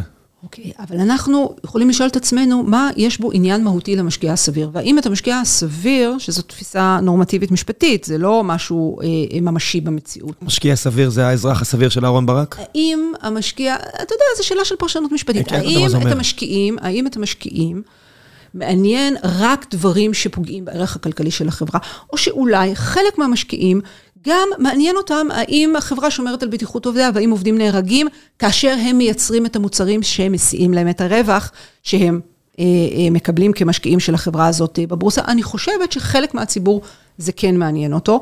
דרך אגב, אנחנו פועלים כדי שזה יעניין את הציבור הזה יותר, אנחנו עכשיו באיזשהו מהלך. שהחב... שהמידע על החברות, על הרקורד הבטיחותי של חברות, יגיע למשקיעים דרך חברה שעוסקת בזה, אז אנחנו גם, גם פועלים בדבר הזה. אז, אז יש פה, אה, אז הנה, שאנחנו רואים את, ה, את ההבדל בהתייחסות הזאת אה, למשהו שמעניין את הציבור הרחב במישור של האינטרס המיידי הישיר שלו, זאת אומרת, אנשים לא רוצים לאכול מוצרים מזוהמים, זה ברור וזה לגיטימי. האם זה מעניין אותנו כציבור, שהמוצרים שאנחנו צורכים, אה, שכשמפנים לנו את האשפה, כל בוקר, האם זה מעניין אותנו שהפועל לא ייפול ממשאית האשפה? אם ראית פעם איך הם נראים שהם עומדים על אחורי משאית האשפה? כן, כמו שזה נראה מסוכן, זה באמת מסוכן. ומדי פעם פועל נופל ממשאית האשפה, או שאיזה רכב נכנס מאחורה ודורס אותו, ודרך אגב, מנהל הבטיחות לא סופר אותם כתאונות עבודה. הוא, סופ... הוא מבחינתו מגדיר את זה כתאונות דרכים שלא נספרות כתאונות לא עבודה. לא יכול להיות. צ'ק מיט, תבדוק אותי. מקודם אמרת... תבדוק אותי. כן, כי מקודם אמרת... לא, אני לא אבדוק אותך, כי עם כל הכבוד דוקטור למשפטים שמתעסקת, אני לא אבדוק אותך. כן, זה מחריד, זה מחריד, זה באמת, אי אפשר, לתפוס את זה. כשאמרת תאונות דרכים, אמרתי, זה באמת סוגיה, כי מאיפה אני מכיר את זה? נגיד מיום הזיכרון לחיילי צה"ל, זאת אומרת, חייל שהיה בדרך לבסיס, האם הוא צריך להיכנס לזה? אז זה באמת שאלה מוסרית פה ופה. אבל פה, פועלי זבל, זה העבודה שלהם. נכון, זאת העבודה שלהם. אני יכולה להגיד לך, מי שאנחנו סופרים בתיעוד שלנו, גם אנחנו מתמודדים עם שאלות מתודולוגיות, ומי שאנחנו סופרים אותו זה לא מי שנסע לעבודה. אה, ואפילו לא אה, נהג משאית שנמצא בדרכים, שזה במהלך יום העבודה שלו, קודם כל בגלל שאין לנו דרך לזהות את המקרים האלה ולהפריד אותם מתאונות עבודה אחרות. אנחנו, כשאנחנו מדברים על תאונות עבודה ותאונות שהן, תאונות רכב, בוא נקרא לזה ככה, מדובר על תאונות שמתרחשות במהלך ביצוע עבודה במקום העבודה. זאת אומרת, אה, אה, אה, עובד שנדרס על ידי דחפור, בתוך מקום העבודה. זה לגמרי עבודה. אז משום מה, חלק מהתאונות האלה המינהל כן סופר וחלק הוא לא סופר. אני יכולה להגיד לך בוודאות על אותם עובדים שמפנים אשפה על המשאיות, שכשהם נהרגים אה, כשיש תאונות, במקרים שהיו תאונות כאלה שנהרגו כתוצאה מנפילה מהמשאית, או כתוצאה מכך שרכב נכנס מאחור והרג, הם לא נספרו על ידי מנהל הבטיחות התעסוקתית כתאונות עבודה. אבל אני רוצה לחזור לשאלה, האם אותנו כציבור, האם לנו אכפת והאם זה מעניין אותנו שאנחנו נצרוך מוצרים אה, ואנחנו נקבל שירותים כמו פינוי אשפה, ואנחנו נגור בדירות שאנשים לא נהרגו או נפצעו קשה. אבל זה לא סתם אנשים. אותם עבודי זה לא סתם אנשים, זה או אזרחים של המדינה, שפה אני לא חושב שבכלל צריכה להיות שאלה מוסרית, אבל זה גם אנשים שעובדים פה, בגבולות המדינה. כי אני יכול להגיד, זה מהנעליים שאני אה, נועל כרגע, אולי הפועל בבנגלדש, משהו קרה לו, אז אני אומר, אולי זה יעניין אותי, לא צריך לעניין אותי, אני לא יודע. אבל בדברים שאנחנו מדברים עליהם פה, זה דברים שקרו פה ליד הבית, בתחומי אחריות שלנו. אני לא חושב שזה צריך להיות שאלה, אני לא חושב שבכלל מעניין אותי, מעניין אותם. מבינה מה אני אומר? אני צריך להעלות את התודעה, כי זה חייב לעניין. אני מעלה את השאלה הזאת במובן הזה שתראה, הצגתי את האיזון הזה, ודרך אגב, שוב, אני רוצה לדעת שאנחנו מדברים על תאונות עבודה בכלל, למשל במפעלים, אז זה לא רק ערבים וזה לא רק פלסטינים, אבל זה אזרחים שגרים. ערבי זה לא אזרחי? מה זה ערבי זה לא אזרח? די, לא, אני אומרת עכשיו כרגע, בוודאי זה גם, זה אזרח, וגם כשהוא לא אזרח, כמו שאתה אומר, כל אדם שנפגע במהלך עבודתו. בישראל. בישראל. בוודאי, בוודאי. אני רק אומרת ש... אני אומרת את זה לא בשביל להמעיט מהחשיבות. אה, זה ברור לך שמבחינתי, מבחינתנו, כל עובד, חייו יקרים באותה מידה, אה, והטענה, וזה בדיוק המהלך שאנחנו עושים פה, אלא בשביל להגביר את המודעות הציבורית לזה שיש עוד אוכלוסיות שלמות שנפגעות. ואלה אה, אוכלוסיות שגרות בערי פריפריה. ובוא נקרא לזה, זה אנשים שהם לא ילידי המדינה, וזה אה, מזרחים ממעמד סוציו-אקונומי נמוך, וזה אולי לא נעים להגיד את זה, וזה אולי נשמע לא טוב, אבל זה חשוב להבין את זה. חשוב להבין את זה, אה, שאנחנו משרטטים את, ה, את, ה, את מפת יחסי הכוחות, ואת עמידת העניין שיש לציבור. כי אם אנחנו מסתכלים על, על יחסי הכוח הזה, ואני, אתה יודע מה, אני דיברנו על צד אחד של זה, אבל אני רוצה לדבר באמת על הצד האחר. הצד האחר זה הגורם שיש לו את הכוח לשנות את זה. אז יש לנו בצד האחר גם את, את החברות. אם זה החברות הקבלניות, ואם זה יזמיות הנדל"ן, ואם זה החברות שמנהלות מפעלים, אה, שגם אצלם נהרגים עובדים, דוגמה, מחצבות. לא היית חושב על מחצבות, נכון? יש לנו חברה כמו שפיר תעשיות, חברה מאוד גדולה, שבשנתיים האחרונות, שני עובדים נהרגו במחצבות, שכמעט אף אחד לא שמע על זה, עוד על התאונה שנהרג בעובד במחצבת עציונה, טיפה טיפה הייתה עליה תקשורת, והעובד שנהרג במחצבת נטוף, שנמצאת במודיעין עילית, ששם גם מנהל הבטיחות לא מפקח, כמעט אף אחד לא שמע, כמעט אף אחד לא שמע על זה. אבל יש לנו את המדינה, וגם שם יש לנו איזה, נקרא לזה איזה סוג של כשל שוק. כי דיברת על הנושא הכלכלי, ובסופו של דבר התאונות עולות הרבה מאוד כסף. השאלה היא למי הן עולות הרבה כסף. אז כמובן שהן עולות לנפגעים ולמעגלים הקרובים שלהם, אבל גם למדינה הן עולות הרבה מאוד כסף. אלא מה? מי משלם את תג המחיר? על התאונות, המוסד לביטוח לאומי. הציבור, שמשלם הציבור את קצבאות, הרחב. שזה הציבור, נכון, אבל אני מסתכלת בתוך המנגנונים של המדינה. כשאנחנו שואלים את עצמנו למה המדינה לא נוקטת יד יותר קשה ולמה היא לא משקיעה יותר משאבים כדי לדאוג שיהיו פחות תאונות עבודה, כאשר אנחנו יודעים שתאונות העבודה עולות הרבה כסף למדינה. כן. שיוצא מתקציב הביטוח הלאומי, למה, שיוצא למה? מתקציבה לפני, של מערכת לפני, הבריאות. לפני, בן אדם שנפל. נכנס לסדרת ניתוחים שאנחנו כן נטפל בו, אני לא מאמין שלא מטפלים, מטפלים בפצועים. זה ניתוחים מאוד יקרים, כל יום של אשפוז זה מלא כסף. מערכת הבריאות משקיעה כנראה הרבה כסף ולטפל באנשים האלה, זה יוצא מהכיס של כולם. אם נמנעת התנועה, התאונה, אין את ההוצאה הזו. ההוצאות, אני אומרת, ההוצאות הן בשתי, בשתי, בשתי, בשני הרבדים האלה של, של, של גורמי המדינה. האחד זה של מערכת הבריאות, מה שציינת עכשיו, והשני זה הקצבאות שיוצאות מתקציבי הביטוח הלאומי. אבל זה גורם אחד. מי שצריך להוציא את התקציבים כדי לממן את הפיקוח, זה גורם אחר, מנהל הבטיחות התעסוקתית במשרד, ה, אה, במשרד הכלכלה. אז זה כאילו, כאילו שתי ידיים, שאף אחד לא עושה את, ה, את, ה, את התכלול הכללי, שאמור היה להתבצע כדי להגיד, רגע, שווה לנו להשקיע עוד הרבה מאוד משאבים כדי למנוע את התאונות. ויש לנו גורם אחר, שאני אומרת משרד השיכון, בנושא של הבנייה, שהוא בכלל לא משלם את המחיר. אה, ויש לו אינטרס, שוב, גם אינטרס ציבורי לגיטימי, לייצר, לייצר דירות, אבל, אבל מישהו צריך לתכלל את העלות של הדבר הזה, ואין גורם אחד שמתכלל את העלות של הדבר הזה.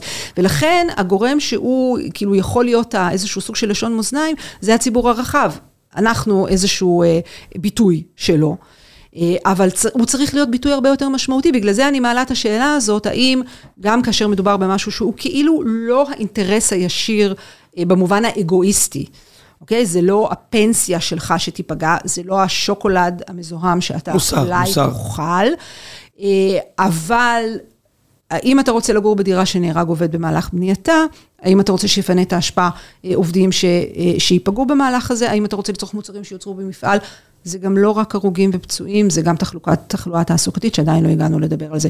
לכן אנחנו היינו, אה, אה, זאת אומרת, יש כאן איזשהו, אה, אני חושבת שככל שנצליח להנגיש יותר לציבור את המשמעות של הדברים, כן יהיו אנשים, אני רוצה לקוות שזה יהיה אכפת להם. תשמעי, זה בעיה בסדר גודל עולמי. את יודעת, יש כן, השנה, יהיה מונדיאל בקטר. בזמן הבנייה של האצטדיונים שם, לעניות דעתי מתו אלפי עובדים. הסתכלתי על זה מהצד. כן. וכל כך מעט כדורגלנים אמרו, אני לא אגיע למונדיאל הזה. זאת אומרת, אני לא מוכן לקחת חלק במוצר בידורי שעלה בחיים של כל כך הרבה אנשים. אלפי אנשים, שוב, תקנו אותי בתגובות אם אני טועה, אלפי אנשים מתו שם. היו הרבה מאוד הרוגים שם. משהו, מספרים מזעזעים, עזבי, זה מספרים באמת של מלחמה. וכל העולם מצפה במונדיאל הזה, וכל הכדור, הרוב, אני יודע שיש כמה שאני לא זוכר את שמם, שאמרו שלא יגיעו, והעלמת העין המוסרית הזו, זה... כן, כמו שאמרת, אתה יודע, המידת ה... החבות המוסרית. אתה צודק, אתה צודק לחלוטין, זה גם לא רק החבות המוסרית. אני חושבת שהחבות המוסרית קיימת בכל מקרה, אבל מידת ההשפעה שיש לנו כתושבים במדינת ישראל על מה שקורה בקטר, היא קטנה. אפסית. לא אומרת, לא אומרת, היא אולי לא אפסית. לא אפסית, כי אנחנו לא שם אפילו לא במונדיאל. היא אולי לא אפסית, אוקיי, אנחנו רואים תופעות גלובליות אחרות. היא אולי לא אפסית, אבל היא קטנה יחסית. שואפת לב. אבל ההשפעה שיש לנו על מה שקורה כאן בישראל היא גדולה יותר.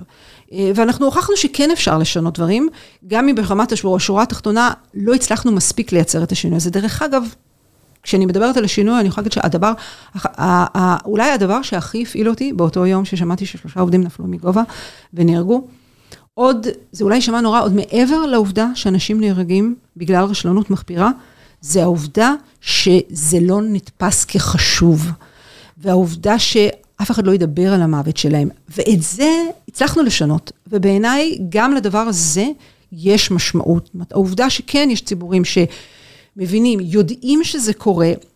הייתה ישיבה בכנסת בוועדת, בוועדה לבטיחות עובדים אה, בשבוע שעבר, והגיעו לשם שתי משפחות. משפחתו של מוחמד זיאדאת שנהרג לפני קרוב לארבע שנים במהלך בניית התחנה ההידרואלקטית בגלבוע פרויקט ענק של שיכון ובינוי ואלקטרה בנייה, שהוא היה העובד השלישי שנהרג במהלך בנייתו של הפרויקט הזה. והגיעה לשם משפחתו של דוד טטרשווילי, שנהרג לפני שנתיים בתאונה בנמל אשדוד, שגם שלוש תאונות. היה משהו מנוף, נכון? אה, לא, הייתה תאונה נוספת שנהרג בה עובד שנפל ממנוף, נתי חולי, אה. חצי שנה לאחר תאונת מותו של דוד טטרשווילי. אבל טטרשווילי היה סוור בנמל אשדוד, עובד של נמל אשדוד, והוא נהרג במהלך פריקתו של מטען מאונייה, בנסיבות שעובדים התריעו עליהם שהם מסוכנים כן. כבר קודם לכן. זה, זה בראש שלי, כי זיהיתי אז בחדשות, אמרתי, אוי, זה יהודי, אולי עכשיו יהיה יותר עניין, וזה דעך כל כך מהר. כן, אז הנה, אז מגיעות שתי המשפחות לכנסת, ומדברות על זה ששנתיים וארבע שנים לאחר התאונה, עדיין אין החלטה האם להגיש כתב אישום. ואני מקווה שזה ישפיע על המקרים האלה ועל מקרים אחרים, אבל עצם העובדה שמגיעות המשפחות ומדברות וקשובים להם, והמשנה לפרקליט המדינה ניגש אליהם ואומר, אני אבדוק מה קורה עם התיקים האלה, זה כבר משהו שיש לו איזושהי משמעות. אבל אני, חשוב לנו, אנחנו צריכים הרבה יותר תמיכה ציבורית. אה, בשביל להצליח להניע את השינוי שאנחנו רוצים. אני מודה שאני נמצאת באיזושהי תקופה של חושבים. זאת אומרת, יש תסכול גדול מהממשלה הזאת. אולי בגלל שהיו תקוות מהממשלה הזאת, חיכינו שנתיים ויותר שתהיה יציבות פוליטית ותהיה ממשלה, ויש ממשלה ש... כמו שדיברנו ככה די בהתחלת השיחה, חברים באנשים שזה חלק מהאג'נדה שלהם כביכול להיות אכפתיים לנושא הזה, ובינתיים אנחנו לא רואים את התוצאות, ואני חושבת, אני לא מתייאשת, אבל אני חושבת שאנחנו צריכים הרבה יותר תמיכה ציבורית, ואני מזמינה את הציבור שאכפת לו, לתמוך בנו. איך אפשר לעזור? לינור דויטש הייתה כאן מלובי 99, ואחרי הפרק היא אמרה לי, שהיה כזה גל של אנשים שנכנסו והשקיעו בלובי, זאת אומרת, יש שם אפשרות להשקיע. אז כן, יש אפשרות בהחלט. תשאירי את הפרטים. יש לנו, יש לנו, יש לנו את קבוצת הפייסבוק, הקבוצה למאבק בתאונות בניין ותעשייה. יש לנו שם פוסט נעוץ עם האתר שאפשר דרכו לתמוך בנו כספית. וזה מאוד משמעותי, וזה איזשהו ערוץ שהוא חשוב, אנחנו לא מצליחים לפתח אותו מספיק בגלל המשאבים, בגלל המשאבים הדלים שלנו, כי יש לנו הרבה מאוד מגבלות ממי אנחנו יכולים לקבל כסף, יש הרבה מאוד גורמים שאנחנו לא יכולים לקבל מהם כסף. דיברנו עליהם, חברות הקבלניות, חברות יזמיות, אנחנו לא יכולים... למה לא? אה, כי זה ייצור ניגוד עניינים. כי ניגוד עניינים. בגלל זה כל מיני ערוצים של לקבל תרומות גדולות יותר מחברות, לא כל חברה, יש חברות שאין ניגוד עניינים שכזה, אבל בוא נגיד שהרבה מאוד גורמים, ברגע שהתחלנו ככה לעשות איזשהו מיפוי, שהבנו שאנחנו לא יכולים, אבל מהציבור הרחב אנחנו כן יכולים, וזה מעבר גם לעניין של הכסף, זאת אומרת, זה העניין של התמיכה והמודעות והשיתוף של הפוסטים. ולהגדיל את המעגלים של הציבור שאכפתי לנושא הזה, ופונה לחברי הכנסת ולממשלה, ודורש ממנה להתנהל באופן, באופן שונה. יש לנו תוכנית פעולה, יש לנו ניירות עמדה, אנחנו יודעים את הדברים שצריכים, הצעדים שצריכים להינקט, אבל אנחנו צריכים את הכוח, את המנוף הזה, כדי להצליח להניע את השינויים שאנחנו כל הזמן נמצאים בתהליך. דיברתי על הקמת הרשות, התקנות שצריכות להשתנות, השינוי, השיניים היותר גדולים שצריכים, צריך להפגין רשם הקבלנים במשרד השיכון כלפי חברות שמתרשלות. החשב הכללי באוצר שמאתרג את החברות הקבלניות המוכרות ולא באמת אה, אה, אה, עוצר את התהליכים של הבנייה שלהם עבורנו הציבור, עבורנו הציבור שצריך לדרוש שרק חברות שעובדות בטוח יעבדו עבורנו. הרשויות המקומיות, שלא הזכרנו אותן, שנותנות את היתרי הבנייה.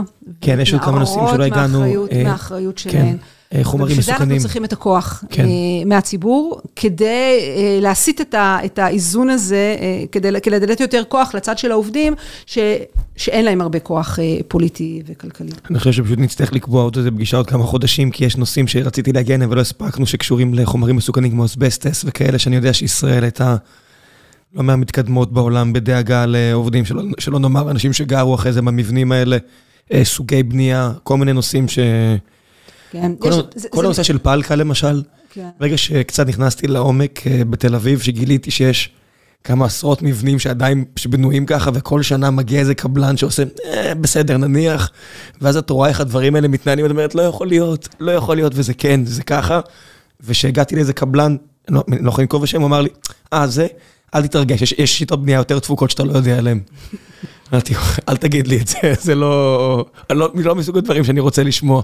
אבל אנשים יודעים, והם רוצים שישתפר, אבל מצד שני הם בתלם של העבודה שלהם, והם נורא קשה ימינה-שמאלה. כן, בגלל זה... לא שאני נותן תירוצים, לא שאני נותן תירוצים לאף אחד, אבל אני גם מבין את ה... בגלל זה צריכה להיות כאן איזושהי הכוונה מדינתית, שהיא מתואמת של הזרועות השונות, זאת אומרת, זרוע האכיפה הפלילית וכתבי האישום, והרשות המקומית, ומשרד השיכון, רשם הקבלנים, והרגולציה על בטיחות עובדים, שהיום במשרד הכלכלה.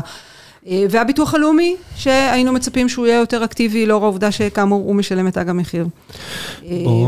זה איזשהו, כן, שינויים, אנחנו, יש שינויים, מצד אחד הצלחנו לייצר איזשהו, נענענו את הספינה בצורה, בצורה שהיא משמעותית, אבל צריך לקרות כאן עוד איזשהו מהלך כדי שתהיה באמת קפיצת מדרגה בנושא של בטיחות עובדים ובריאות תעסוקתית. כן. לפני שנסיים, אני מבקש בדרך כלל מכל אורחת ואורח המלצות. אין לנו רגולציה, אז כל מה שבא לך להמליץ עליו מדברים שקרובים לתחום העיסוק שלך, לסתם דברים שצפית או קראת בהם, כי מישהו עכשיו שמע אותך שעה, אולי הוא יכול לקבל ממך איזושהי המלצה. אז דבר ראשון, איפה בכל זאת פוגשים אתכם מעבר לדף הפייסבוק?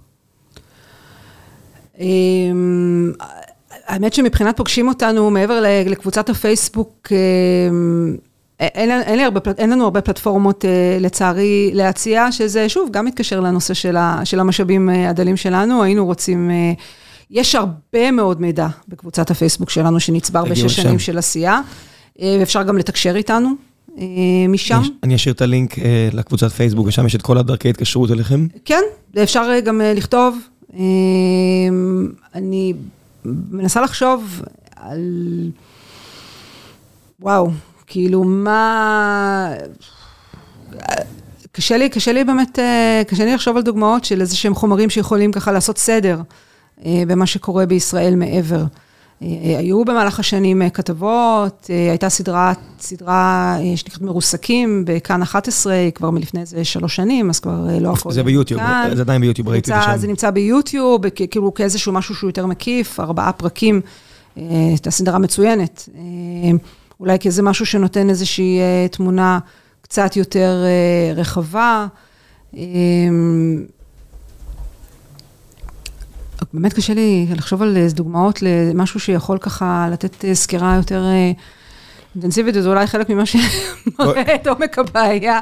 כן, בואי נעשה ככה, נקבע על עצמנו מתישהו. אבל מי שבאמת רוצה להתעמק, יכול לפנות לנו, נשמח לשמוע קצת ניירות עמדה, להכיר את הנושא קצת יותר. אוקיי, כיוון שהגענו לסוף הזמן שלנו, ותכף אני הופך לדלת, אנחנו נצטרך להמשיך את זה בפעם אחרת, ואני ממש מקווה שנוכל למצוא את המועד, כי זה נושא שהוא מאוד חשוב, וצריך להיות הרבה הרבה יותר במודעות, ומה לעשות שמה ש... מה שבמודעות עובד. יש את המדרג הזה, וזה מדרג לא יפה, אבל תאונת מטוס, כולם שומעים עליה. ויש פרופיל של הטייס, ואת שומעת על התחקיר, וזה מתוחקר, ואז עד לתחתית הרשימה זה אנשים שאת עוזרת להם, ועצם העיסוק בנושא הוא חשוב, כי מה לעשות, availability bias, שמה שאנשים שומעים עליו נתפס ביניהם כחשוב, זה, אנחנו, אנחנו יצורים די מטופשים בני אדם. זה נכון, אבל אני מודה שאני כבר הרבה מאוד זמן אה, מחפשת מעבר לזה. זאת אומרת, אולי בגלל שבסך הכל... את עוסקת בזה, את יודעת, כל... בסך הכל, בסך הכל הצלחנו לגייס את התקשורת, השנתיים האחרונות חלש יותר, אה, גם את התקשורת הכלכלית, בהשוואה למה שהיה לפני כן, אולי זה כמובן להשתבייס בתור מי שנמצא בפנים. אבל מבחינתי היום, המודעות זה, זה לא מספיק. לא, זה לא מספיק. אני מספיק. מחפשת את השינוי, את, השינוי, את השינוי התכליתי. המחוקקים. Uh, המחוקקים, האוכפים, הממשלות, החברות, ואת השורה התחתונה. השורה התחתונה של מספרי הנפגעים. Uh, זאת המטרה. כן, בסוף, גם סתיו שפיר אמרה בפרק עימה, בסוף כשחסר דאטה, נורא קשה לנהל דיון. זאת אומרת, הייתי מתחיל, דבר ראשון, אידיאלית, אם היו נותנים לי מטה קסם, דבר ראשון, לדעת מה באמת המצב בדיוק. ואז אפשר לדעת אם אנחנו משתפרים, הולכים אחורה, הולכים קדימה, כי בלי זה, העבודה שלך הרבה יותר קשה. את לא יכולה לדעת באמת מה המצב, כי נורא קל להסתיר. זה נכון, זה נכון, ואין ספק שהמדינה צריכה, אחד הדברים שאנחנו, נורא מפריעים לנו, זה מחסור בשקיפות מידע, מצד מנהל הבטיחות. אין ספק שזה נושא נורא חשוב, מול כל הגורמים, אבל אנחנו יודעים מספיק כדי לדעת שהמצב הוא גרוע מאוד, ובואו נשפר אותו משמעותית, ואז נעשה את ה fine tuning של, כן. של המידע, זה, זה בתעדוף יותר גבוה. התעדוף היותר גבוה הוא כיום להכניס את השינויים שאנחנו יודעים שיביאו לשיפור משמעותי. הדס, תודה רבה רבה רבה על הזמן שהקדשת, ואני אשאיר את הלינקים, ואני מקווה שזה יעשה אפילו שינוי חיובי, אם רק במעט, ואני מקווה שנוכל לשבת שוב ולהרחיב עוד את ה, את, על הנושא הזה. תודה רבה לך על ההתעניינות והאכפתיות. עד הפעם הבאה. ביי ביי. להתראות.